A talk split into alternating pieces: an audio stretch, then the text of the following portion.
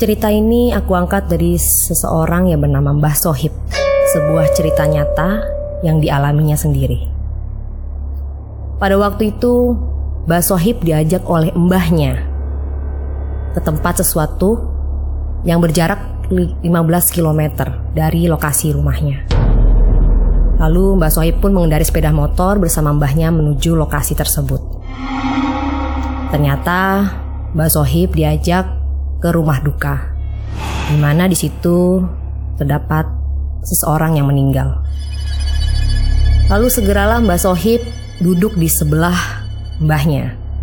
Pada saat dia sedang duduk dan sudah menduduki tempatnya, tiba-tiba mbahnya mengusap wajahnya. Seketika Mbak Sohib melihat sesosok manusia berdiri di samping jenazah. Yang bikin kaget, ternyata kok bisa kembar. Antara sosok yang berdiri itu sama mirip dengan jenazah tersebut. Pada saat itu Mbak Sohib pun ingin bertanya kepada mbahnya. Tapi sembah cuma menjawab, amati dan pelajari saja. Tidak usah banyak tanya. Lalu Mbak Sohib pun menuruti apa kata mbahnya. Dia pun mengamati apa yang terjadi di depannya. Dia melihat sosok itu seperti kebingungan. Dan dia pun mengatakan sesuatu. Loh, ini kan aku. Ini juga aku. Ini ada apa? Ini acara apa? Lalu sosok itu pun memutari tempat itu. Dan dia pun mendekati istri, anak-anaknya, dan berusaha berbicara dengan mereka. Dia pun memeluk istrinya, tapi lolos tidak tergapai, tidak tersentuh. Bahkan orang sekeliling itu pun tidak menyadari kehadiran dia. Lalu sosok itu pun sangat kebingungan. Saking bingungnya, tiba-tiba tubuhnya terbakar. Terbakar dengan api yang sangat hitam. Sangat berkobar-kobar dan hitam pekat membuat Mbak Sohib sangat kaget pada saat itu lalu hancur menjadi abu. Tetapi pada saat itu muncul kembali sosok yang sama.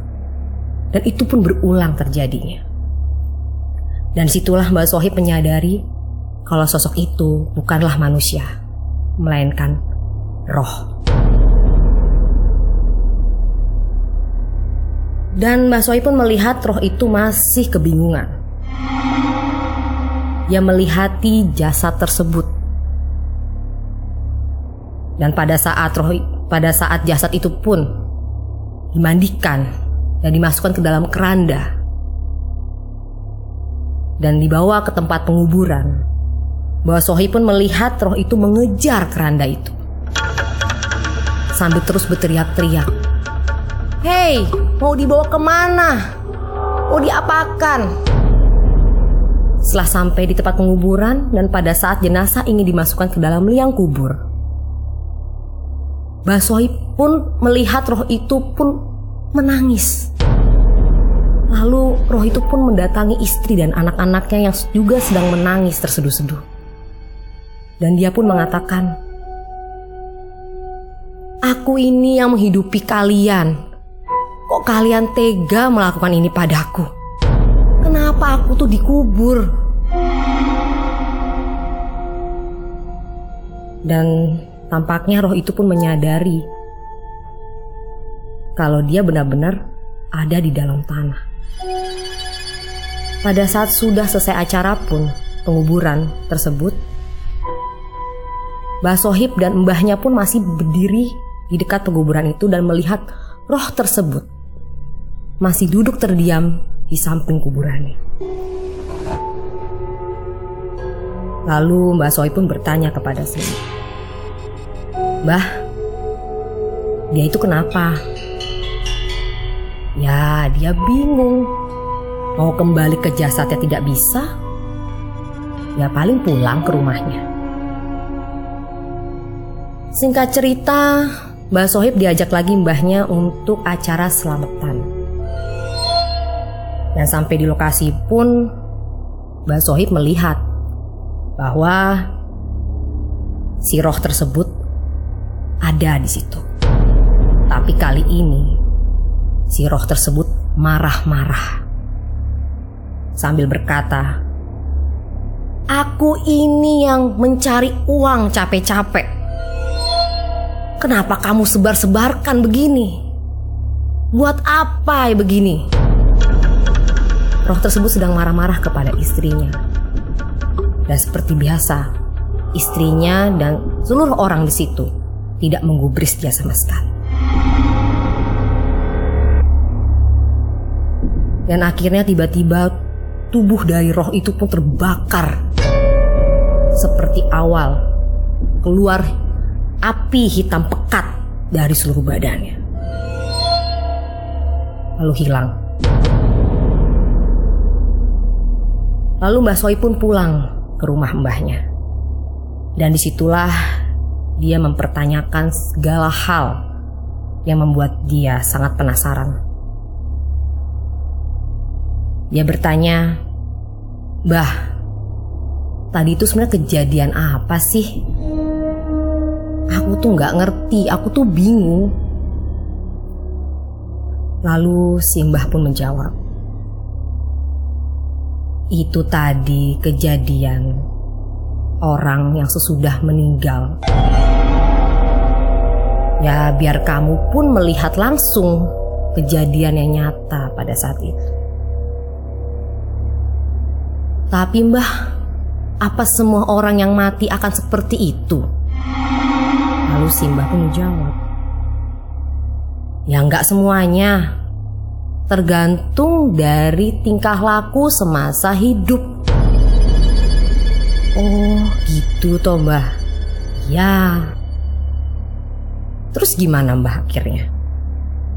Ya sebenarnya kan orang mati itu Sampai 40 hari dia masih gentayangan. Masih berputar-putar pulang pergi kuburan rumah, kuburan rumah. Menyelesaikan hal yang belum selesai.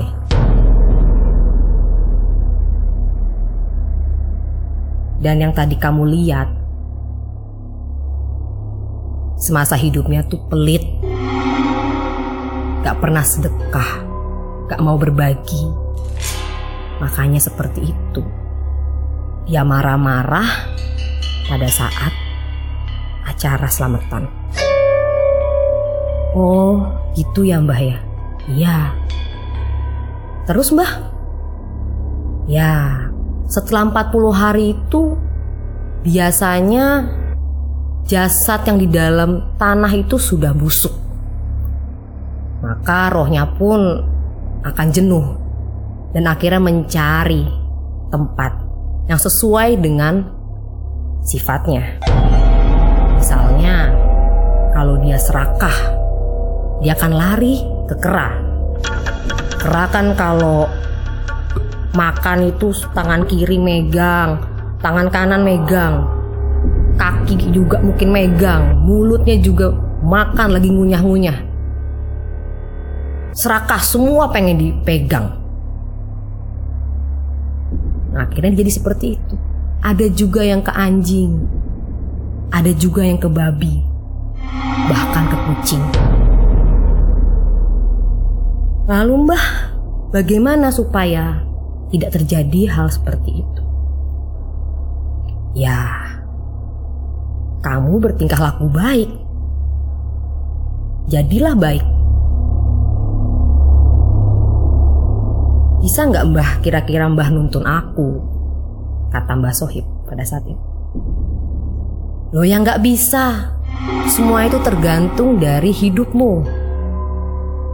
Tenang nak. Kamu pasti akan bertemu dengan jalannya.